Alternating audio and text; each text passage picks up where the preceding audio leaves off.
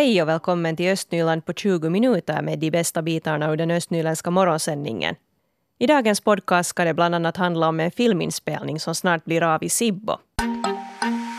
Lovisa Thor förbereder sig inför kvartsfinalmatcherna som börjar på veckoslutet.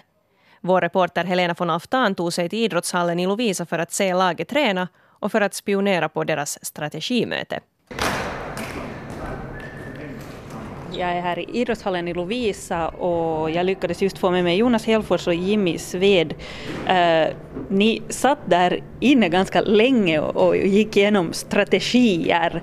Uh, Jonas, kan du berätta no något av de här? Det är säkert lite hemligt, men kan du berätta något om vilka tankar ni nu gick igenom här? No, vi gick igenom lite vad vi ska, vad vi ska göra för att vinna, vinna vad heter det, Oulu nu i veckoslutet och vi har nog bra recept på gång.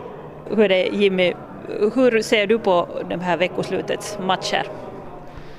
No, det är ju de här matcherna man har väntat på hela säsongen och jobbat för, så det där, jag ser fram emot dem. Det ska bli skoj.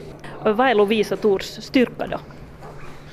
Jag skulle säga att bredden, vi har ett äh, jättebrett lag. All, alla kedjor kan skapa mål och skapa lägen. Eh, Jonas, vad skulle du säga att är, är er styrka?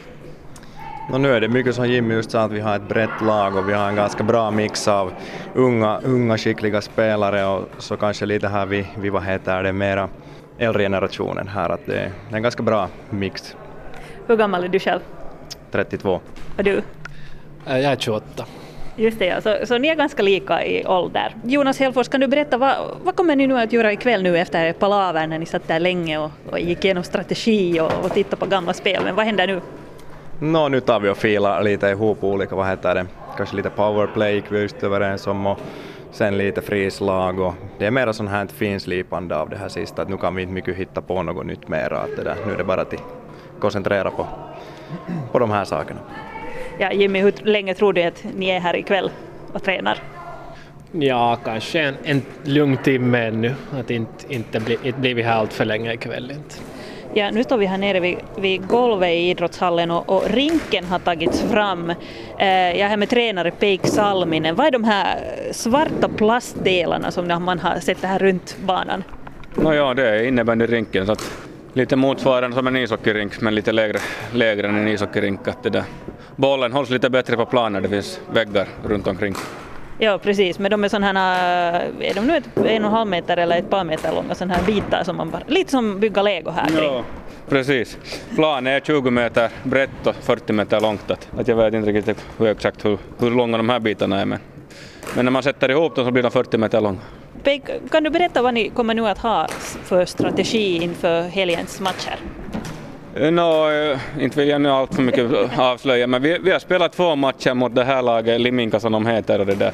Vi har förlorat riktigt ordentligt båda två och jag känner mig ganska, ganska lugn för jag vet precis vad vi, vad vi har, varför vi har förlorat de matcherna. Och om jag säger så att vi kommer inte att spela på samma sätt och, och, och med helt annan taktik också så det ska bli väldigt spännande och, och det där väldigt litar väldigt mycket på laget att, att vi vinner de här matcherna. Och, och Liminka, Liminka tycker jag passar oss väldigt bra som första motstånd i kvartsfinal. Att det där, gärna möter dem nu i kvartsfinal och, och, och förstås vinner och, och istället för att möta dem i en final. De kommer ganska tätt in på de här slutspelsmatcherna. Att, att nu har vi mycket energi i laget, vi har kunnat vila spelare, vi har bred trupp och, och laget är hungrigt och, och, och full med kraft och energi. Så åker gärna upp till Oulu och vinner en match och tar sen söndag hemmamatch. Jag smygtittade här lite på er, på er palaver, att var det, var det de här tidigare, tidigare matcherna mot, mot uh, Helsingborgslaget som du hade där uppe på screenen och riktigt analysera? Ja, ja. Där, vi gick lite igenom motståndaren och det där hitta, hitta saker som vi kommer att utnyttja på matcherna. Peik Salminen, tränare för Lovisa Tor. Tror du ännu att vi ser uh, Lovisa Tor i innebandyligan? Nästa höst ses vi. Nu ser det ut som att träningarna börjar för Lovisa Thor. Peik Salminen står där i mitten på plan och, och där har vi en målvakt i målet, klädd i svart och med hjälm. Och här springer alla och slår bollarna dit mot målvakten. Han får lite, han får lite bollar på sig. Det är ju bra att han har skydd. I fjol våras var det konstiga skador som satt stopp för Lovisa Tors drömmar om att avancera till innebandyligan. Det var en hel del olika skador, det var inte bara vanliga idrottsskador, det var mykoplasma som är en sån här, ja, lite värre sorts flunsa. Senor som for av i händer och allt möjligt. Jag frågade Jonas Hellfors i Lovisa Tor hur det i år ser ut med spelarnas skick och om han tror att de, de kan komma till innebandyligan. Nå, vad vi har inte lika mycket skador åtminstone, så nu har vi, nu har vi alla med nu i truppen så, så vi, vi kommer nog långt bara vad vi koncentrerar oss på rätta saker och, och kör för fullt så allt är möjligt. Vad är de där rätta sakerna man ska fokusera på nu? No, nu är det en god laganda och rätta taktiker och, och vad heter det, sen bara låta det rulla på så. Och det har vi nog alltid skick. Ja, spännande med kvartsfinal för Lovisa Tor här nu under veckoslutet. Vi hörde Jonas Hellfors som spelar i Lovisa Tor och det var Helena von Aftan som intervjuade. På lördag så spelar alltså Tor mot Limingan Niitomiehet i Kempele och på söndag blir det sen hemmamatch mot dem i Lovisa idrottshall.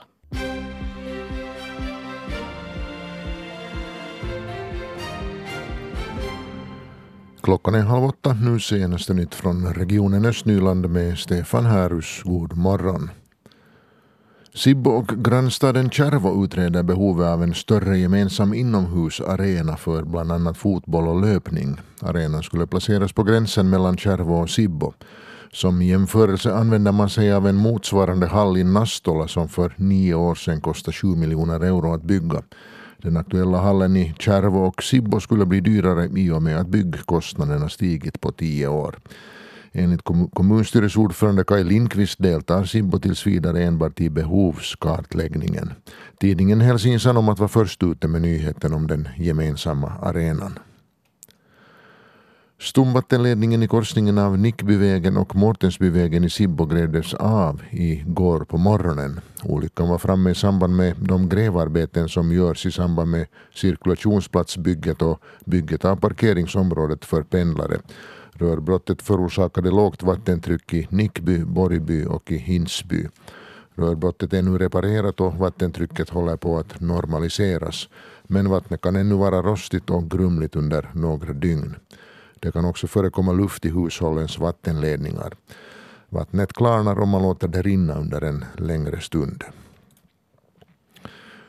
Och mera Sibbo-nytt. Den person som misstänks för dråpet i Söderkulla i Sibbo i söndags släpptes på fri fot igår. Polisen begär inte att personen häktas och ser inte längre någon grund för att hålla personen i fråga fängslad. Den gripne hade mot sin vilja hållits fången i bostaden av personen som senare omkom. Den gripnes försök att avlägsna sig hindrades genom hot och våld. Östra Nylands polisinrättning fortsätter att utreda dödsorsaken. Sibbo bibliotek söker tilläggsfinansiering från undervisnings och kulturministeriet. Det skriver tidningen Sipon Sanomat idag. Det handlar om en finansiering som stöd för att främja barns och ungas läsande. I praktiken handlar det om att utveckla de sätt man inspirerar unga till läsning. Till exempel kunde man använda sig av drama i samband med sagostunder. Stödet kan vara maximalt 200 000 euro stort och kan ges till endast en stad eller kommun. Sibobördige John Strandberg som för tillfället bor i Tallinn i Estland. Han är aktuell med en kortfilm. Den här filminspelningen ska i huvudsak ske i box och 28-årige John Strandberg han studerar vid Baltic Film and Media School och det är då audiovisuell media som han har studerat där. God morgon John. God morgon. Du ska alltså filma i Sibbo. Vad ska din film handla om? Ja, det ska vi göra. Det där, uh, filmen kommer att handla om, om en medelålders kvinnlig präst som bor ensam ute på landsbygden och, och hon blir då tvungen att ta in en asylsökande att, att bo hos sig och, och berättelsen då leker med den tanken att hur ett sånt här eh, osannolikt sammanträffande där två sådana här människor från två olika kulturer kommer i kontakt med varandra kan leda till det att, att båda kommer bättre vidare i livet och, och kommer över personliga trauman. Hur kommer det sig att det blir en kortfilm som filmas just här i Sibbo? Uh, Sibbo blev det egentligen helt enkelt därför att, att det där jag själv är från Sibbo och på något sätt så har alla mina idéer nu på senaste tiden som jag har haft för, för någonting mm, kortfilmsartat då, och just för det här slutarbetet så, så har alla tankar har på något sätt gått tillbaka dit mot Sibbo, att börja liksom på något sätt mm, hämta lite inspiration från min egen bakgrund också så småningom i mina egna grejer. Och det är ju, Sibbo är ju fantastiskt vackert, uh, passar jättefint för en sån här berättelse och, och just för vårt tema som lite handlar sådär om, om personlig isolation också så, så det kändes fint att, att sätta det dit på landsbygden. Just det. Och du ska regissera den här filmen. Vad krävs det av dig? Hur svårt är det att regissera en sån här? No, regi är ju alltid ett, ett stort paket. Jag har ju hand om, om det visuella slutgiltiga, eller slut, slut, att slutföra resultatet på, eh, visuellt och, och, och, och, det där. Det är ju det är som att vara kapten på ett skepp egentligen. Att, att jag har ju kontakt med precis alla, alla det där i, i teamet och, och försöker diskutera fram ett, ett äh, resultat som där alla får, får sin egen, äh, egen synpunkt synlig och, och sin egen, sin egen, alla får äh, ja, vad heter det, toteuta Ja, förverkliga sig själva. Ja. Precis, tack. Mm. Just så. no, den här filmen den ska vara klar i maj. Hur är det sen efter det? Var kan man se den? Ja, vi, filmen kommer att vara färdig i maj. Vi har deadline för vårt slutprojekt då för att för att det där, vi ska bli färdiga från skolan i, i mitten av juni ungefär, så filmen måste vara klar före det. Uh, sen efter det har vi då som avsikt faktiskt att, att försöka få ut den till olika festivaler runt om i landet och runt om i Europa nu till att börja med. Att det där, man får se, om vi kommer in någonstans så då, då, då får man kanske se den någonstans sen på större scener också. Mm. Nu har du hela skådespelartruppen klar eller har något Sibbobor chansen att medverka? Uh, vi har uh, huvudskådespelare, uh, vi har, uh, huvudrollen kommer att, att spelas av, av uh, Anja Bargum som är, har varit aktiv i Helsingfors i, och runt om i svensk Finland. Uh, olika teaterproduktioner redan länge och, och, det där. Sen har vi faktiskt från, från Borgå en, en sån som Thomas Henriksson som kommer att spela en, en mindre uh, sidoroll. Uh, våra asylsökande söker vi själva fortfarande efter. Vi, vi har som avsikt att försöka hitta någon som skulle ha rätt bakgrund för den rollen som, som skulle kunna medverka lite med, med den autenticiteten också. Att, att, att kunna kanske ja, bidra, bidra med sin egen bakgrund också på det sättet. Uh, sen söker vi förstås då för tillfället efter statister för, för några, äh, några scener som vi kommer att spela in i, i kyrk, kyrkoomgivning och, och det där. Där har vi tänkt att vi ska försöka få så mycket som möjligt folk från nejden att, att medverka så att vi, vi inte behöver hämta in folk längre ifrån. Och det är ju kiva för, för oss också att, att få dit eh, äh, lokalbefolkning så blir det ännu mer av ett SIBO-projekt på det sättet. Just det, så där har man chansen att vara med. Definitivt. Ja. Tack ska du ha John Strandberg för pratstunden och det blir spännande att se slutresultatet. Tack. Intresse för ämnet livsåskådning har ökat i de svenska skolorna i Borgå. Det här pratade vi om i sändningen igår. Och det här har lett till ett behov att se över hur det här ämnet och olika evenemang ska arrangeras i skolorna som då har att göra med just livsåskådning och religion. Rickard Lindström som är utbildningsdirektör vid Borgå stad, han berättar om arbete, arbete kring det här.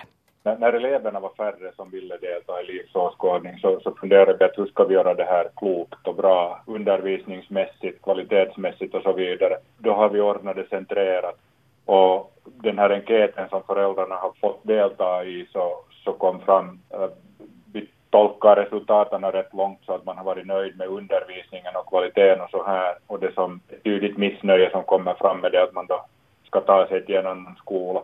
En av de rekommendationer som kommer fram här är att vi borde ordna det på flera ställen och att de här skjutsarna skulle, skulle minska i antal och det kommer vi säkert att följa nog här att att i framtiden ordna, ordna på lite flera ställen, men jag tror inte ändå att vi kommer till den situationen nu riktigt snabbt åtminstone att vi ska ordna i varje skola.